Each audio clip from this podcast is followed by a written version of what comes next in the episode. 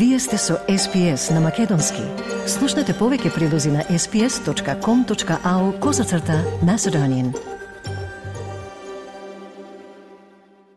Утрешниот празник 2 август Илинден ќе се слави под слоганот 120 години Илинден огниште на татковината. Премиерот Димитар Ковачевски ќе се обрати на свеченоста на тврдината Кале во Скопје председателот на Собранието Талат Джафери на Мечкин Камен во Крушево, а председателот Стево Пендаровски во Мемориалниот центар Асном во Пелинце информира владината преслужба.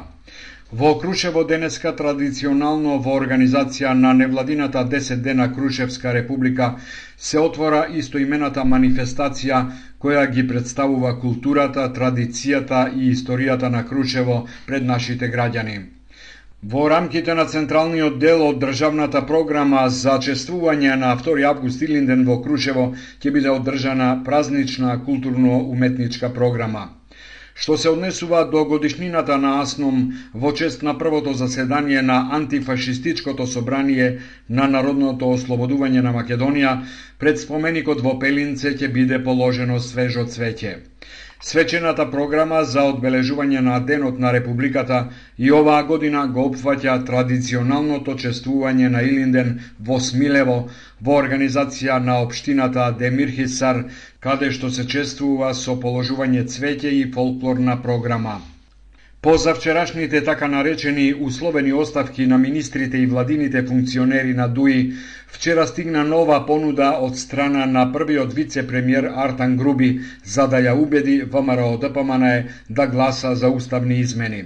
Груби вели дека ДУИ се откажува и од техничката влада пред избори, но и од идејата за премиер Албанец во последните 100 дена од мандатот.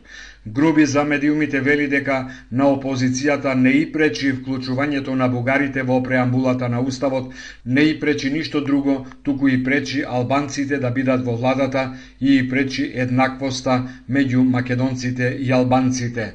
Понатаму тој вели, ако ние одиме во опозиција, при што опозицијата, ВМРО да ДПМН е, би гласала за уставни измени за што се потребни две третини во собранието, ние сме кажале дека за иднината на нашата земја сме подготвени да се откажеме и од привремена влада и од премиер Албанец и од нашите мандати, вели Груби во изјава за медиумите. СДСМ го поздрави чекорот на министрите на ДУИ и ја повика ВМРО ДПМН да го стори истото. Овој став на пресконференција го изнесе портпаролката на партијата Богданка Кузевска. Сите услови кои ги постави Мицкоски за ДПМН да ги поддржи уставните измени се исполнети, вклучително и влада без ДУИ.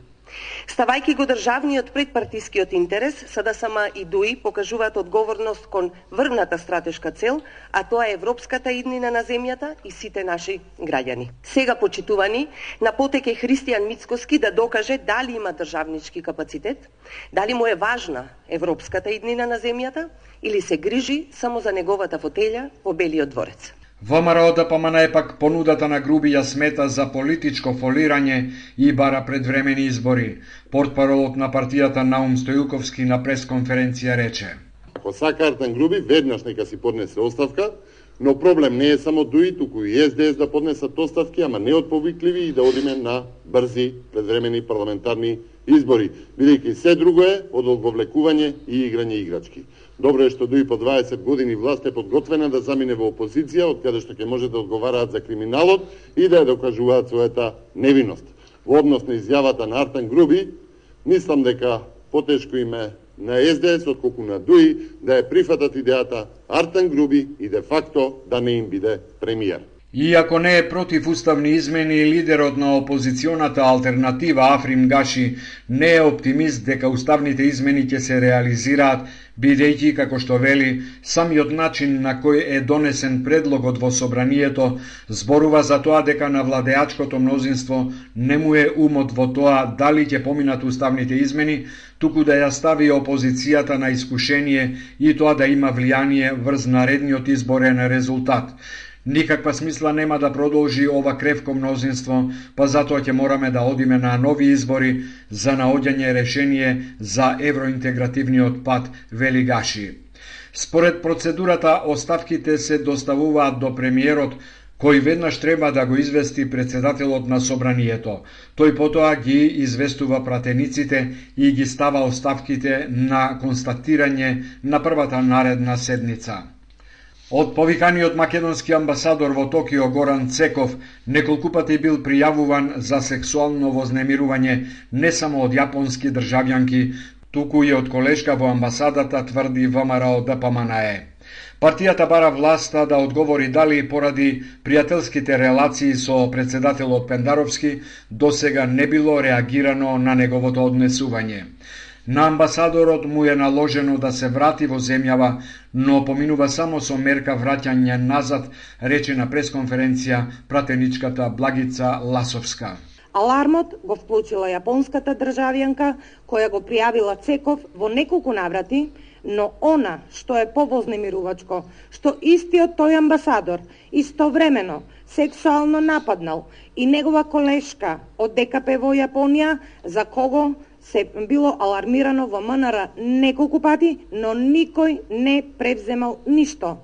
Она што е уште пошокантно е фактот дека амбасадорот е вратен во земјата, но поминува, замислете, само со мерка враќање назад. Опозицијата бара министерот Бујар Османи да ги изнесе јавно сите податоци од извештајот за дисциплинската комисија во кој се наведени сите детали за овој чин.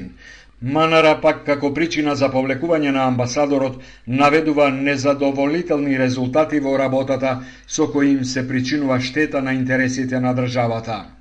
Од повиканиот македонски амбасадор во Јапонија Горан Цеков има рок од 5 дена да се врати во Македонија. Македонија и Албанија од вчера имаат еден заеднички граничен премин. Премиерите на Македонија и Албанија Ковачевски и Рама го пуштија во употреба концептот One Stop Shop на граничниот премир Тјафасан Тјафтане. Воведувањето еден контролен пункт со заеднички граничен премин има за цел спроведување поефикасни и олеснети гранични формалности, побрз проток на граѓаните од двете држави, но и на компаниите што вршат транспорт на овој граничен премин. Премиерот Ковачевски потенцира дека меѓу двете земји е зголемена соработката. Со ова се олеснува работата на 11.000 компании од нашата држава кои се ориентирани кон извоз, кои се ориентирани кон трговија со други држави. На овој начин овозможуваме полесен пристап до пристаништата во Албанија, Премиерот Еди Рама подвлече дека на овој начин се овозможува поголем развој и на трговијата, но и на туризмот. Ова е важен момент, бидејќи на крај им, им олеснуваме многу на поминувањето на овој премин и без друго отвараме, даваме потик понатаму не само на трговската размена, туку и на развојот на односите во целост меѓу нас, без да ги заборавиме и развојот на туризмот. Премиерот Димитар Ковачевски најави дека се работи и на новиот коридор 8 и на изградбата на железничката пруга меѓу Албанија и Македонија. Идејата за воспоставување на One Stop Shop на Ќафасан почна во 2018 година, а протоколите за спроведување на проектот беа подпишани во ноември минатата година. Сакате ли да чуете повеќе прилози како овој? Слушате подкаст преку Apple Podcasts, Google Podcasts, Spotify или од каде и да ги добивате вашите подкасти.